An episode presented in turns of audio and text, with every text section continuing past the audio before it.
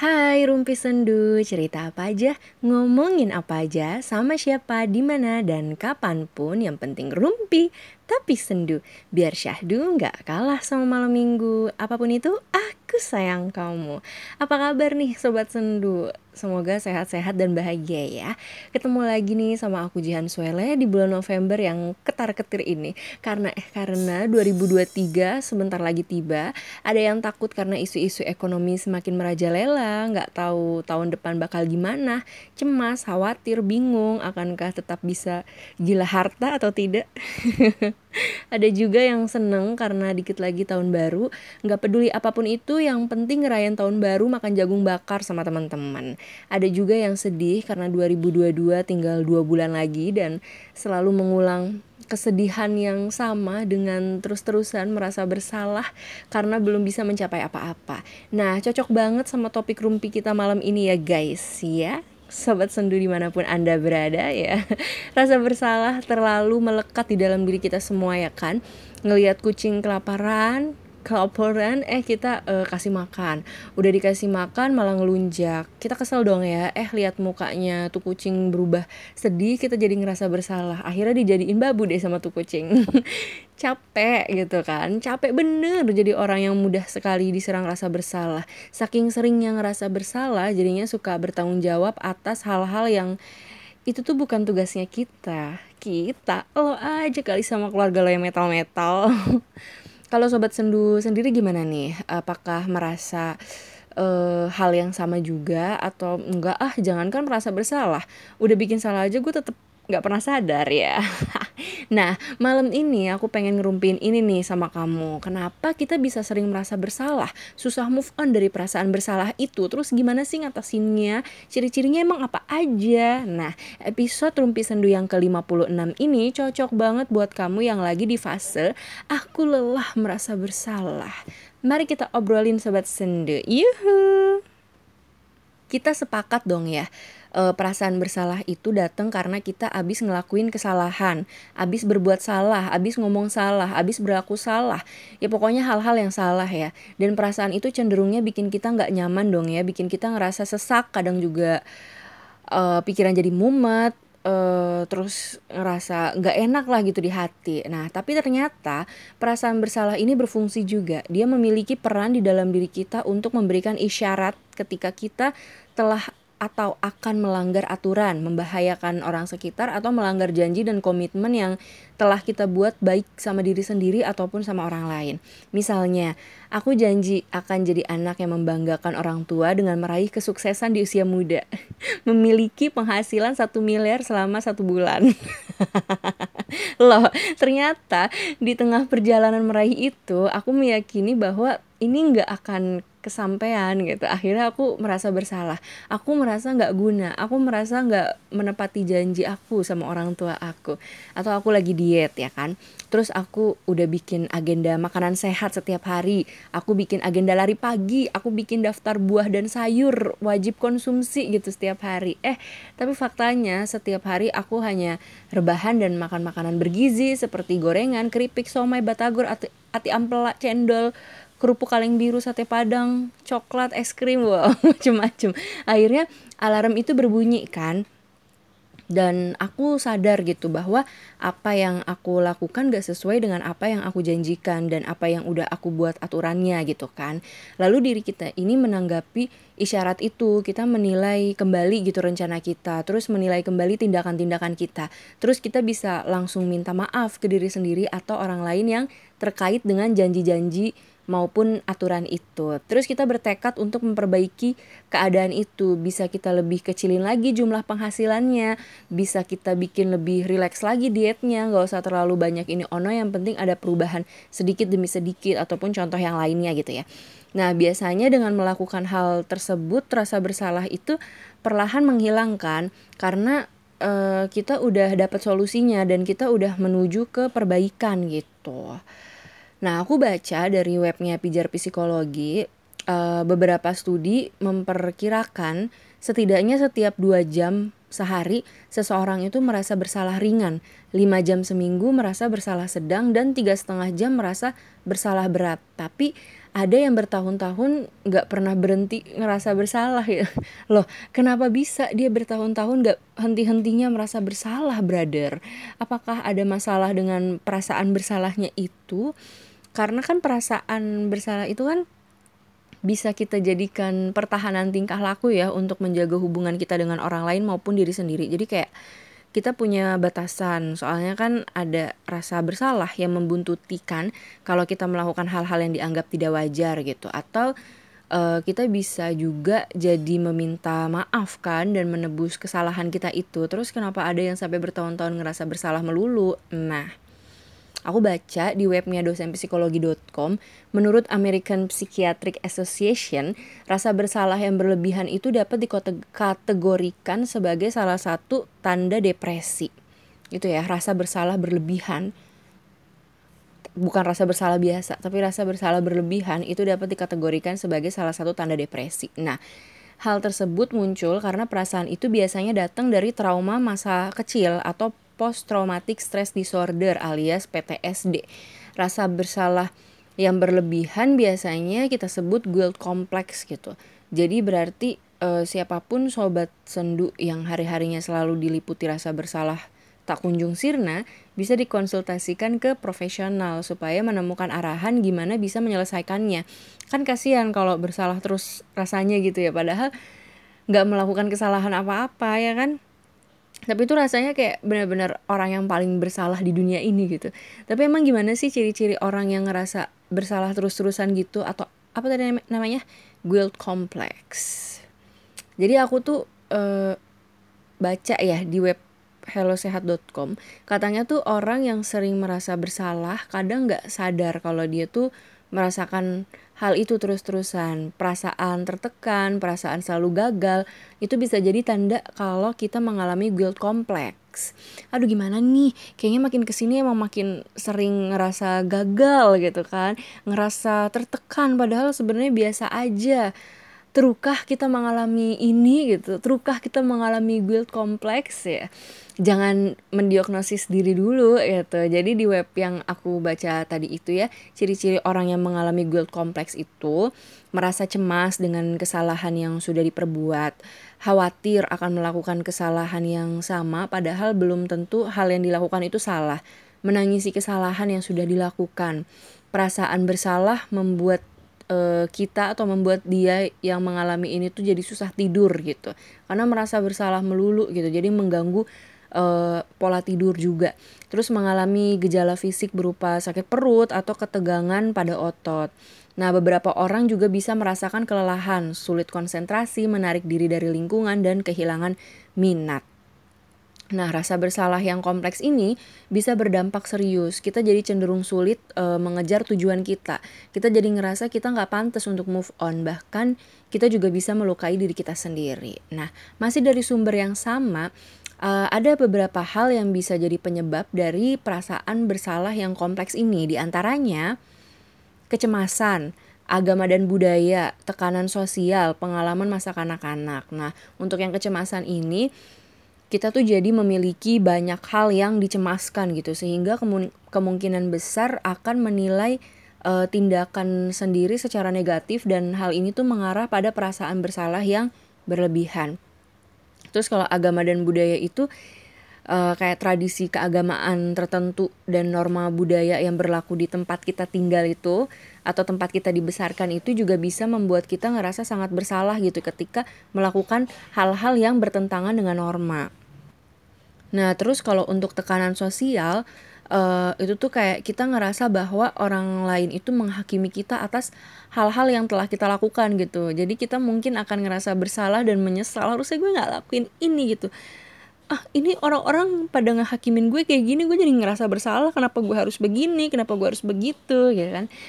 Terus uh, pengalaman masa kanak-kanak ini biasanya anak-anak yang dibesarkan dengan gaya pengasuhan yang kurang tepat bisa menimbulkan rasa kecil hati pada anak sehingga e, bisa beresiko membuat mereka mudah merasa bersalah dan sulit untuk terlepas dari perasaan tersebut gitu. Jadi pengalaman traumatik masa anak-anak gitu ya atau pengasuhan yang kurang tepat pada masa kecil kita. Nah, aku baca di pijar psikologi ya selain guilt kompleks ternyata ada juga ragam rasa bersalah yang nggak sehat udah gitu ragam rasa bersalah yang nggak sehat ini ada ada tiga gitu. Lumayan juga. Satu dua tiga. Nah yang pertama rasa bersalah yang be yang belum terselesaikan ini biasanya terjadi karena kita nggak sadar bahwa kita itu kurang terampil dalam meminta maaf ke orang yang udah kita sakitin. Terus kesalahan yang kita perbuat ke orang lain itu tuh terlalu besar sampai dia tuh susah banget maafin kita gitu. Makanya kita jadi terus-terusan merasa bersalah gitu. Jadi kita kayak berbuat salah. Tapi itu kita udah tahu banget ini tuh kesalahan yang bener-bener besar gitu. Terus uh, kita nggak tahu gimana caranya untuk uh, minta maaf terus habis itu orang yang kita uh, mintain maaf juga bener-bener sulit buat memaafkan karena menurut kita berdua ya kita berdua orang yang salah dan orang yang uh, um, apa namanya orang yang mengalami itu gitu kan gak bisa memaafkan gitu jadi uh, sulit gitu untuk menyelesaikannya gitu jadi rasa bersalahnya tuh belum terselesaikan yang kedua rasa bersalah dari orang yang selamat. Jadi kita nggak tahu sebenarnya letak kesalahannya tuh di mana sih gitu. Rasa bersalah ini tuh biasanya muncul terhadap orang-orang yang selamat dari kecelakaan, bencana, perang atau tragedi mengerikan lainnya gitu yang ngebuat dirinya tuh jadi ngerasa kenapa dia bisa selamat sementara orang lain enggak gitu? Dan gimana caranya menebus kesalahan dia itu tuh karena dia udah selamat sendiri tuh jadi jadinya tuh bingung gitu. Dia gimana nih gue nggak tahu harus nebus kesalahan tuh kayak gimana. Karena yang selamat cuma dia doang dari bencana itu atau yang selamat dia doang dari uh, kecelakaan itu. Biasanya sih kecelakaan ya. Jadi kayak misalkan temenan lagi main gitu uh, naik motor gitu kan berboncengan. Terus habis itu si temennya yang dibonceng itu sama yang bonceng itu kecelakaan. Tapi yang selamat itu cuman satu di antaranya doang gitu. Nah itu tuh biasanya mudah banget gitu ngerasa bersalah. Kenapa kita sama-sama kecelakaan tapi yang hidup dia doang gitu yang apa yang berhasil selamat dia doang gitu kan. Akhirnya dia jadi kayak takut karena gimana nih nanti orang tuanya gimana nanti orang-orang terdekatnya? Pasti kan nanya kok uh, emang kalian ngapain? Gini-gini kok bisa kecelakaan? Kok gini-gini kok begitu-gitu? Kan hati manusia nggak ada yang tahu ya. Jadi tuh biasanya hal-hal kayak gini tuh uh, mudah banget gitu untuk menjadikan seseorang untuk merasa bersalah gitu. Yang terakhir perasaan bersalah karena berpisah. Jadi kita pengen ngeraih cita-cita kita kan. Terus um, tapi harus berpisah sama orang yang kita sayangin gitu, entah itu keluarga atau pasangan. Nah, perasaan ini sering dialami oleh para perantau karena tahu kalau orang tua pasti merasa kesepian setelah ditinggal pergi gitu merantau. Jadi tapi di lain sisi uh, kita ngerasa kita harus ngejar cita-cita gitu. Jadi kita ngerasa bersalah gitu. Nah biasanya juga rasa bersalah ini muncul saat kita ngerasa ada keterikatan dengan orang lain terus keputusan kita itu berlawanan dari aturan atau harapan orang lain itu gitu. Kita jadi dikelilingi rasa bersalah deh. Nah kita kan udah obrolin soal kenapa kok kita bisa merasa bersalah baik yang biasa aja sampai yang berlebihan terus apa aja rasa bersalah itu dan ciri-cirinya gimana kalau kita e, ngalamin rasa bersalah yang berlebihan itu nah sekarang saatnya kita mencari tahu nih emang gimana sih biar kita nggak terus-terusan ngerasa bersalah ngatasinnya gimana? Jadi kita bisa nih memahami rasa bersalah yang sedang kita alami. Misalnya kita merenung apa yang udah kita lakukan seharian ini. Kalau ada yang salah langsung minta maaf ke orangnya gitu. Kalau ragu-ragu gitu salah nggak sih? Langsung aja konfirmasi apakah orang tersebut ngerasa kita ada bersin ngerasa kita ada salah sama dia atau enggak gitu. Kadang tuh kita ngerasa bersalah nih sama orang lain.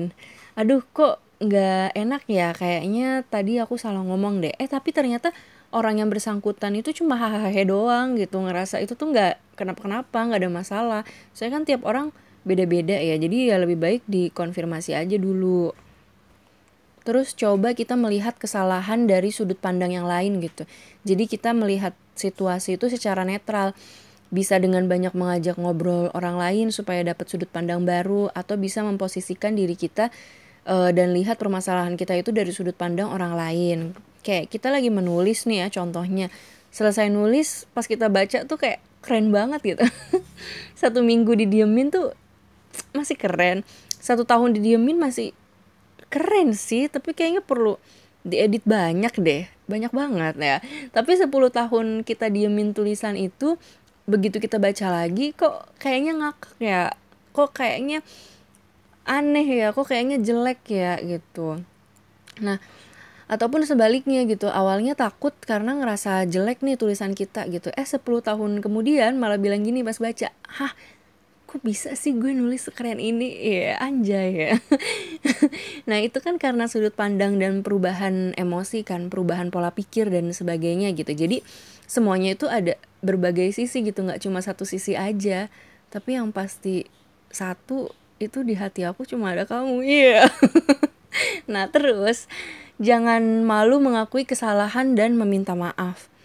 Nah hal yang paling berat itu emang mengakui kesalahan kan ya kalau dari aku pribadi cie aku pribadi kemudian ya aku pribadi aku tuh paling gak enak kalau disalah-salahin gitu di saat masih panas-panasnya masalah itu gitu kan. Jadi kayak ngerasa diteken gitu. Efeknya tuh reaksinya jadi kayak bisa aja jadi ikutan marah gitu atau nangis atau ngerasa gila ya semuanya jahat sama gue nggak ada yang ngertiin gue semuanya nyalain gue gitu. Padahal emang di hati tuh tahu oh aku salah dan aku akan meminta maaf serta memperbaikinya. Tapi karena dicecer terus di saat itu juga dan di hadapan orang lain lagi kan, jadi tuh rasanya tuh kayak malu. Ada tekanan lebih gitu untuk ah udah deh, gue diem aja atau gue harus punya pertahanan diri nih supaya nggak makin disorakin gitu. Uh dasar lu, gara-gara lu sih jadi kayak gini. Uh gitu. Kan gak enak banget kan kalau kondisinya lagi serius gitu lagi genting gitu. Nah biasanya kan salah satu cara pertahanan diri tuh ya kalau nggak balik marah nangis. Nah itu kan pertanda belum punya kecerdasan emosional kan belum bisa mengatasi emosi secara bijak gitu belum bisa mengendalikan diri dan pikiran. Jadi sulit untuk mengakui kesalahan di saat apa pun juga. Jadinya kayak butuh uh, butuh waktu untuk mengakui sebenarnya ini nggak salah juga dan orang orang yang menyalahkan berlebihan gitu juga belum tentu kan mereka punya kecerdasan emosi yang baik kan gitu. Tapi kita nggak bisa mengontrol orang lain. Jadi ya mau nggak mau kita harus belajar mengontrol diri sendiri gitu. Harus belajar bisa mengakui kesalahan kita dan bertanggung jawab atas kesalahan tersebut. Pelan-pelan lah ya. Iya salah. Saya salah gitu. Dan saya minta maaf. Itu kan uh, susah banget gitu diucapin gitu. Kalau lagi ada masalah terus kita mengakui kita salah gitu. Pasti kan ada prosesnya dulu gitu kan. Entah itu berantem dulu atau entah itu kabur dulu silent treatment. Baru beberapa hari kemudian ketika udah tenang keadaannya baru bilang gitu aku salah aku minta maaf ya. Sebenarnya emang aku sih yang salah ya. Nah bahayanya Orang-orang yang sulit mengakui kesalahan dan meminta maaf cenderung menyimpan itu rapat-rapat. Sampai akhirnya jadi beban buat dirinya sendiri gitu. Terus jadi numpuk, terus nggak ada angin, nggak ada hujan, jadi suka keingetan gitu. Apakah uh, aku salah ya selama ini? Apakah aku udah nyakitin ya? Apakah aku udah ngecewain ya selama ini gitu? Tapi kita nggak pernah tahu kejelasannya tuh karena udah lama berlalu udah kita pendem-pendem doang gitu nggak cuma sehari dua hari tapi bisa bertahun-tahun gitu kita pendem gitu rasa bersalah itu.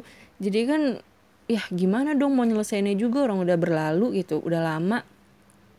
Karena kita juga nggak punya komunikasi yang baik sama orang lain atau orang tersebut gitu yang yang membuat kita menjadi punya rasa bersalah itu gitu dan gak punya kemampuan untuk mengakui kesalahan, mengakui perasaan kita dan meminta maaf ya jadinya kayak gitu gitu. Terus kalau misalkan uh, kita misal datengin uh, datengin orangnya gitu terus nanti orangnya ngelihat kita terus dia tiba-tiba bilang dih ke mana aja lu? gitu kan. Akhirnya kan membuka luka lama ya membuka ingatan-ingatan buruk yang bisa jadi kita jadi kepikiran ih bukan gue doang deh kayaknya yang salah. Dulu dia juga udah nyakitin gue begini begini begini begitu. Panjang banget jadinya kan karena kan perasaan itu elastis ya besti elastis. Kadang kita ngerasa ditindas kadang kita juga ngerasa menindas gitu. Dan kalau pikiran kita nggak netral ya kita terus dipermainkan sama pikiran kita sendiri itu. Tapi yang penting jangan sampai kita mengakui kesalahan dan terus-terusan meminta maaf padahal kita nggak salah apa-apa gitu. Karena ini juga bisa membentuk rasa bersalah yang baru lagi. Soalnya orang lain akan memanfaatkan kelemahan kita itu. Kamu orang yang mudah merasa bersalah kamu dimanfaatkan. Dan kamu akan dikutuk rasa bersalah seumur hidupmu ya. Nah itu kan nggak enak kan? Nah coba orang-orang uh, pada asik manfaatin kita gitu terus ninggalin kita begitu kita sendirian kita jadi terjebak lagi gitu di perasaan yang menyalahkan diri sendiri apa semua orang nyakitin aku karena aku yang nyakitin mereka duluan?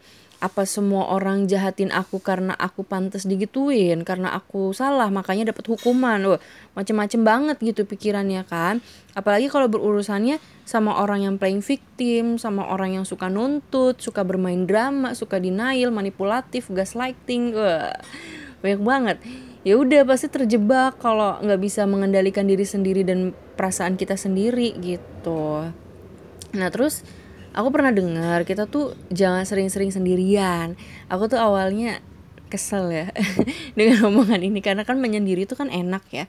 Emang apa sih itu? Tapi ternyata ada benernya juga kalau terlalu sering sendirian apa-apa sendirian nggak berbicara gitu dengan orang lain itu akan membuat kita jadi nggak terbuka gitu pikirannya kalau banyak ngobrol itu kan kita bisa dapat pemahaman baru. Apalagi kalau ngobrolnya sama yang wawasannya luas dan membuat kita produktif ya pasti akan kecipratan energi baiknya dan positifnya itu kita jadi terlatih untuk berbicara gitu. Kalau misalkan kita cuman ngomong sendiri ya pas ngomong sama orang lain agak sulit gitu emang kenyataannya untuk uh, melatih skill komunikasi kita. Karena kan kita terbiasanya sendirian ngomong sendirian juga berpikir sendirian juga melakukan ini itu sendirian juga gitu.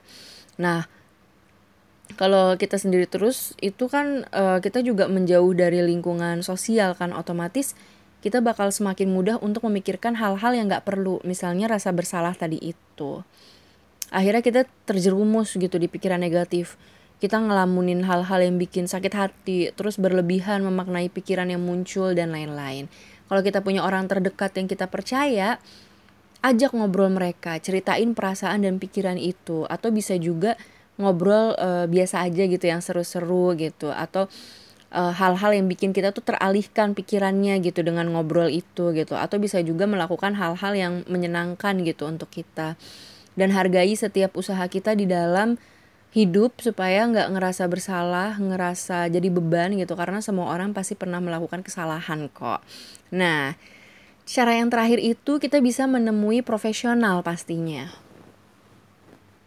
Untuk ke psikolog atau psikiater itu kita perlu membawa bekal seperti apa yang kita keluhkan gitu, apa yang kita rasa mengganjal. Uh, jadinya tuh di sana uh, kita bisa lebih nyaman gitu konsultasinya. Tapi kalau masih belum bisa ke profesional ya nggak apa-apa sih karena jujur emang ke psikolog atau psikiater itu kan juga nggak semudah itu ya. Soalnya kita juga bakal cocok-cocokan sama dokternya jadi perlu sabar juga gitu. Nah cuman kalau emang udah bener-bener genting banget ya itu kita harus uh, harus pergi ke profesional gitu karena kita membutuhkan itu. Nah salah satu langkahnya kalau kita memang merasa oh kayaknya belum terlalu uh, genting untuk ke prof profesional gitu dan kita mau mengatasinya sendiri dulu itu salah satu langkahnya kita bisa mulai belajar mencintai diri sendiri untuk mengantisipasi rasa bersalah berlebih di dalam diri kita gitu dan belajar buat yakin sama diri sendiri. Ini sulit banget tapi ya bisa bisa bisa bisa bisa bisa bisa bisa bisa sampai seribu kali. Belajar buat sadar kalau ini tuh kesalahan ini bukan. Ini akan aku pertanggungjawabkan itu bukan urusanku jadi nggak usah gitu. Yang ini wilayah aku aku akan minta maaf yang ini bukan gitu. Jadi kita nggak sedih-sedih amat gitu ya say hidupnya. Karena kan kita udah membatasi ini itu gitu. Kita tahu yang ini e, wilayah kita yang itu bukan wilayah kita gitu. Nah terus jangan lupa Nggak semua orang itu beruntung memiliki orang yang bisa dipercaya. Jadi selagi ada tetaplah bersama gitu. Kalau nggak ada, buatlah support system supaya kita sama-sama bisa menciptakan keindahan hidup ya. Apaan sih? Pokoknya gitulah ya. Oke, sampai sini dulu ya ngerumpinya ya guys ya haus dan batuk-batuk karena ibu aku memasak sambal pedas sekali. Oke, makasih banget udah mau dengerin podcast aku. Sampai ketemu lagi di Rumpi Sendu selanjutnya. Rumpi Sendu, cerita apa aja, ngomongin apa aja, sama siapa, di mana dan kapan pun yang penting rumpi, tapi sendu. Biar syahdu nggak kalah sama malam minggu. Apa pun itu, aku sayang kamu. Dadah. Mwah.